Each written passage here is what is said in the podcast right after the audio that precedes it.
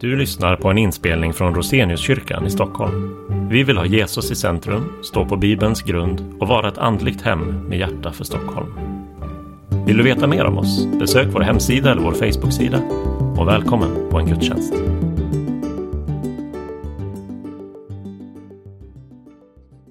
Lyft era hjärtan till Gud och hör dagens heliga evangelium. Så skriver evangelisten Johannes i sitt 20 kapitel, verserna 24 till 31. Thomas, en av de tolv, han som kallades Tvillingen, hade inte varit med dem när Jesus kom. De andra lärjungarna sade nu till honom, vi har sett Herren. Men han svarade dem, om jag inte får se hålen efter spiken i hans händer och sticka fingret i hålen efter spiken och inte får sticka min hand i hans sida så kan jag inte tro. Åtta dagar därefter samlades hans lärjungar igen där inne och Thomas var med bland dem. Då kom Jesus medan dörrarna var låsta och stod mitt ibland dem och sade Frid vare med er. Sedan sade han till Thomas, räck hit ditt finger och se mina händer. Och räck hit din hand och stick den i min sida. Och tvivla inte, utan tro. Thomas svarade honom, min Herre och min Gud. Jesus sade till honom, därför att du har sett mig tror du. Saliga är de som tror, fastän de inte ser. Många andra tecken som inte är nedskrivna i denna bok gjorde Jesus i sina lärjungars åsyn. Men dessa har blivit nedskrivna för att ni ska tro att Jesus är Messias, Guds son, och för att ni genom tron ska ha liv i hans namn. Så lyder det heliga evangeliet. Lovad vare du, Kristus.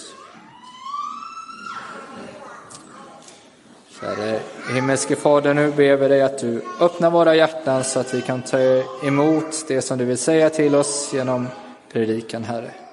Kom med din gode heliga Ande och gör ditt verk i var och ens hjärta, Herre. Tala till var och en, Herre. Den som behöver tröst, den som behöver styrka, den som behöver förlåtelse, den som behöver frimodighet, Herre. Tack för att du vill möta oss, var och en, i vår livssituation. Vi ber om det i Jesu namn. Amen. För en vecka sedan så firade vi påsk. Och dagens text, det är veckan efter, eller åtta dagar senare. Första gången då vid påsk så hade Jesus kommit till lärjungarna. De var livrädda. Dörrarna var låsta. Och deras hopp på att Jesus hade uppstått, eller att han skulle uppstå, det fanns inte där. Utan de var rädda. De trodde att snart så kommer de och griper oss också. Fängslar oss, kanske korsfäster oss. De satt där rädda, oroliga. Vad skulle nu hända med livet? Tre år med Jesus, och nu var han borta. Vad skulle man nu ta sig till?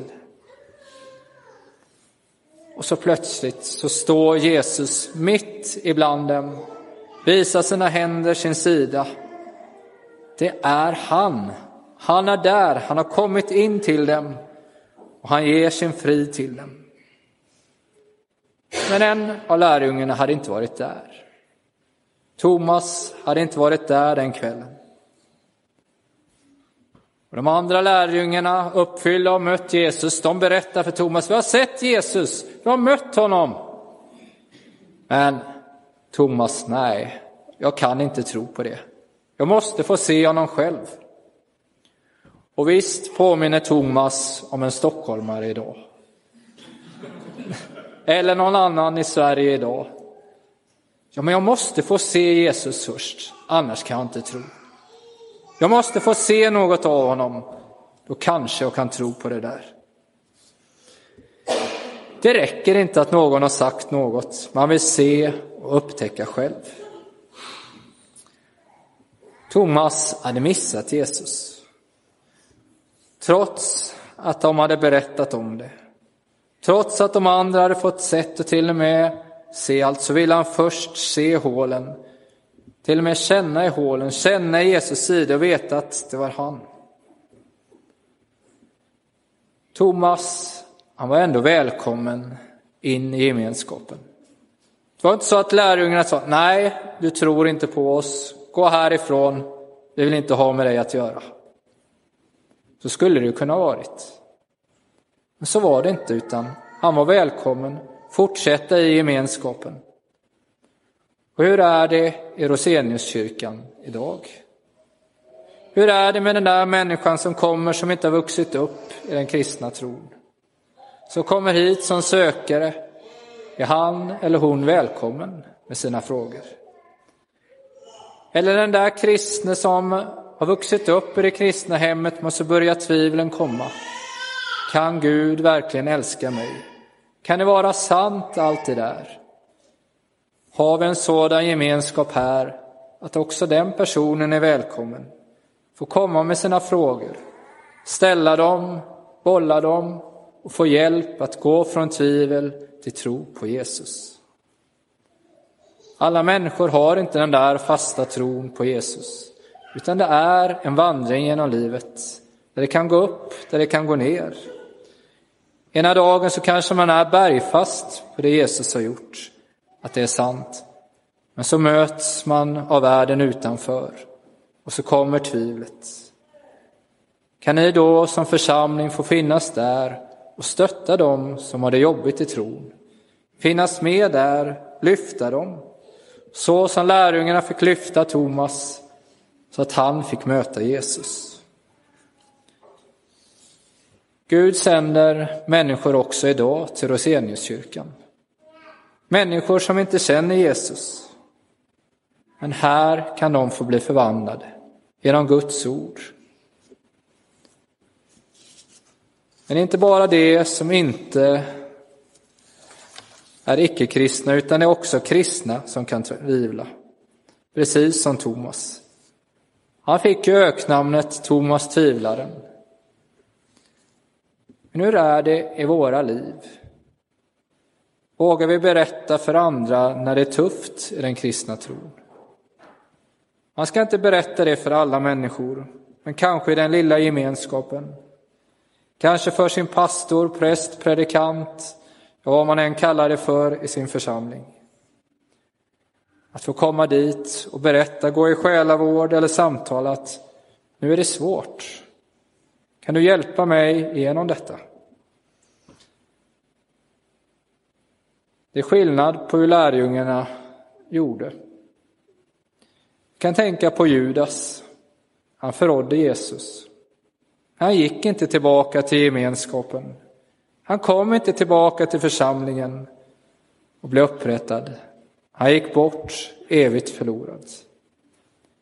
Petrus, han förnekade Jesus tre gånger.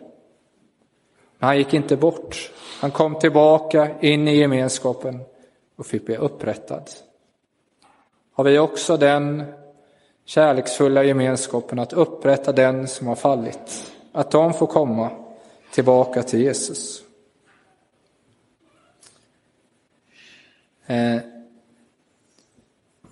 handlar din osäkerhet om Bibeln? Du kanske går på universitetet och så möter man en helt annan teologi. Man möter människor med något helt annat. Så kan jag glädja dig med att du går i Roseniuskyrkan när man har stora apologeter som predikanter här och man har närheten till apologia här. Att gå och berätta vad det är som är svårt med detta så ska de hjälpa dig. Tillsammans så kan man få lyfta bort det tvivlet och istället få styrkan i tron på Jesus, att det håller. Guds ord är sant. Det Jesus säger i sitt ord är sant. Uppståndelsen är sann. Och så kan man ha en hel predikan om det. Men det sparar jag till Martin eller Daniel eller någon annan här. Kanske är det annat som du tvivlar på. Kanske är det mer osäkerheten, känslorna som kommer där. Kan jag vara älskad av Jesus? Kanske har du vuxit upp i ett hem utan kärlek, eller väldigt lite. Dina föräldrar, de kanske gav dig kärlek men du inte tog emot den, eller du fick den inte, eller så var det något som var konstigt. Och så tvivlar du på Guds kärlek. Kan Gud älska mig? Redan vid syndafallet så sådde djävulen in tvivel på Guds godhet. Men har Gud verkligen sagt det där? Stämmer det där verkligen? Och så frestar han Adam och Eva att äta av den förbjudna frukten. Eller är det lidande som du möter, orättvisor eller annat som gör att Guds kärlek, hur ska jag kunna veta att det gäller mig? I Bibeln så står det så älskade Gud världen att han utgav sin enfödde son för att var och en som tror på honom inte ska gå förlorad utan ha evigt liv. Gud älskar världen och i världen är du inkluderad. Gud älskar dig. Det är sant och det håller att lita på. Och vi har en Gud som vet vad lidande innebär. Ingen annan religion, vad jag vet, så finns det en Gud som blir människa, som lider för oss och utstår det mest hemska man kan tänka sig, att dö på ett kors för dig och mig. Han vet vad det innebär att lida. Han vet vad det innebär med svårigheter. Han vet hur det innebär att växa upp i en familj som får utstå hån och spott. Han vet hur allt är. Och i allt detta så ska du veta att Gud älskar dig och vill dig väl. Men mitt i allt så kan det vara en process. Det kan vara att ta tid att förstå det, att greppa detta, att Guds kärlek, att det gäller mig. Och också där vill jag uppmuntra dig att gå till själavård, prata med någon i församlingen om detta, så att du kan bli förvissad från att gå från tvivel på Guds kärlek till förvissning om att Gud älskar dig och det är sant.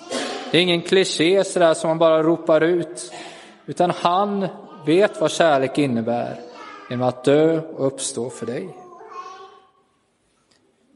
Kanske är det förlåtelsen istället.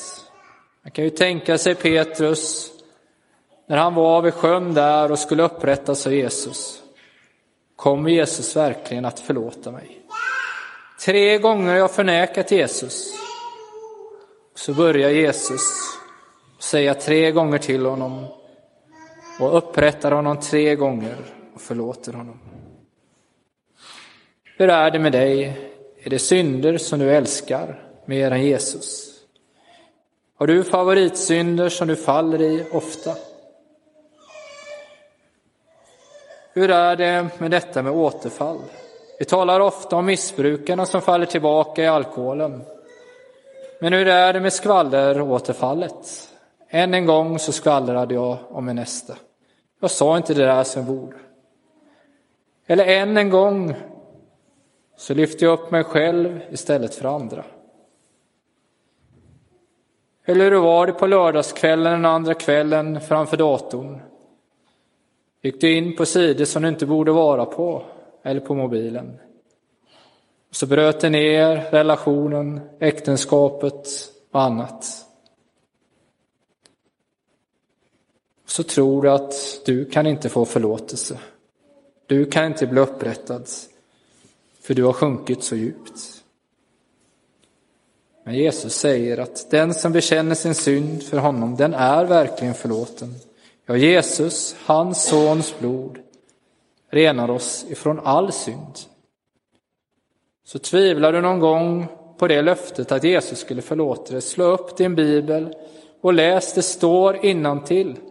Jesus, hans sons blod, renar dig från all synd. Har du ändå svårt att greppa det så vill jag uppmuntra dig igen att gå till själavård eller söka upp en präst och bikta dig. Och hör och få syndernas förlåtelse just till dig.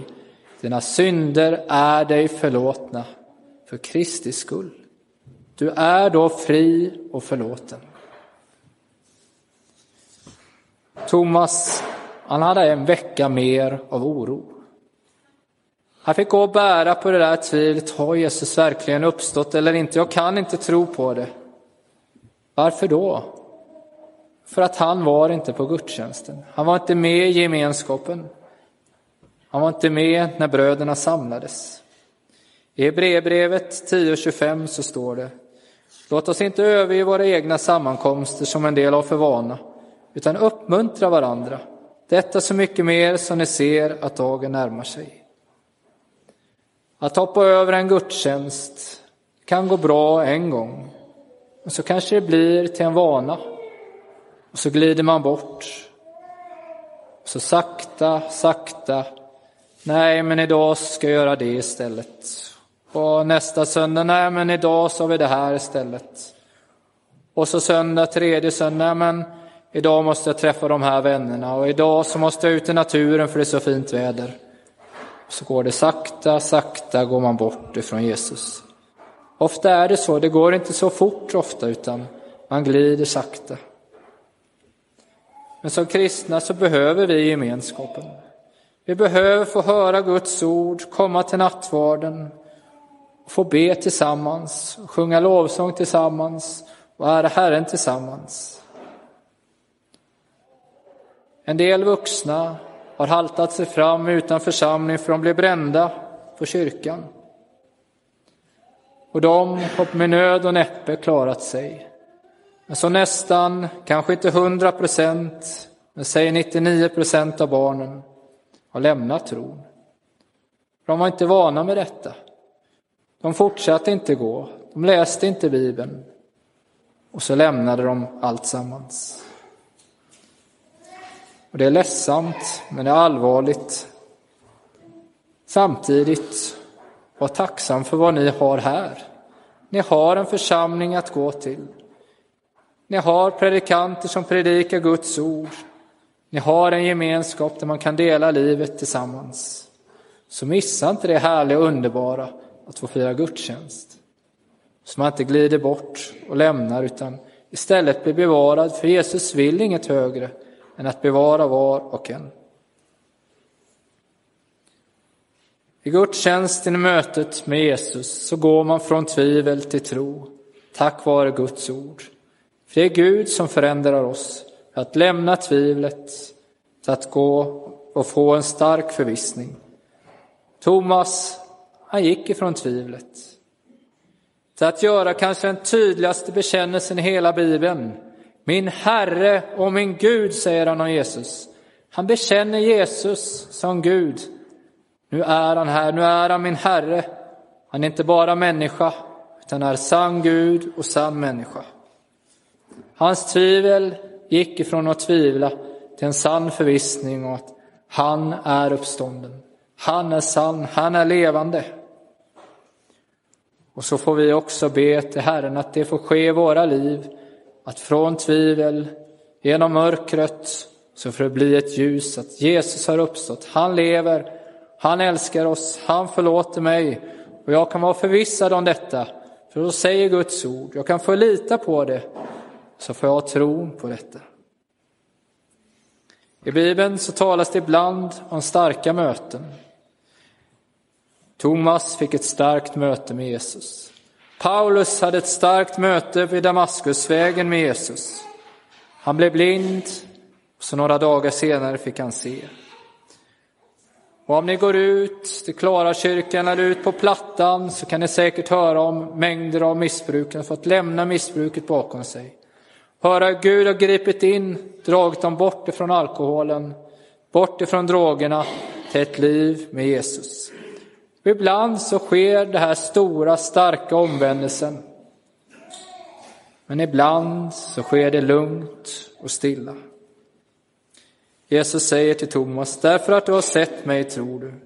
Saliga är de som tror fast den inte ser. Och så kanske det är ännu vanligare. Att det går sakta, man läser Guds ord. Och så plötsligt så upptäcker jag att ja, men jag tvivlar inte längre på det här. Jag har fått en förvissning om detta. Något har hänt när den helige Ande har gripit mig. Han har skapat och väckt tro. Det blir ju så tydligt om man är i en alfakurs till exempel. Man ser människor som kommer dit, inte har någon tro, men så plötsligt så börjar det växa något. Det är inte bara tvivel som är där, utan ja, men jag skulle vilja tro på detta. Och se det Jesus som varit där och gript in och väckt tron. För det är ju så att känslor och sådant kan vara härligt. Det kan vara upplyftande och man får vara tacksam om man varit med om sådant. Men det är inte det jag kan bygga min tro på. Jag får bygga den på Bibeln, på Guds ord. För när stormen kommer, när tvivlen kommer, så är det bara det som håller. Allt annat det blåser bort i stormen. Jag kanske hade en jättehärlig frälsningsupplevelse. Jag kanske hade varit med och blivit frisk och botad, helad vid förbön. Men så kommer man i mörkret, tvivlen kommer där. Då är det bara Guds ord som håller. Då är det bara Jesus som sträcker ut sin hand och så bär han mig genom tvivlet, genom mörkret. Och så sätter han mig på klippan.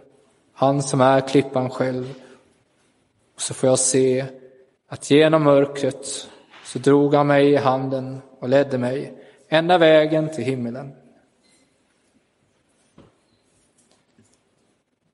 Vi ber, Herre, tack för att du också vill leda oss genom tvivel och genom mörker. Men tack för att du vill styrka oss och ge oss en tro som håller. En tro på dig. Tack för att du är den levande och uppståndne. Tack Herre för att vi kan få säga min Herre och min Gud. Tack Herre för att du ser var och en i denna kyrka. Du ser vad var och en bär på. Tack för att du vill leda genom tvivel till en säker förvissning om att du lever, att du har uppstått, att du förlåter, att du älskar och att du vill oss väl. Vi ber om det i Jesu namn. Amen.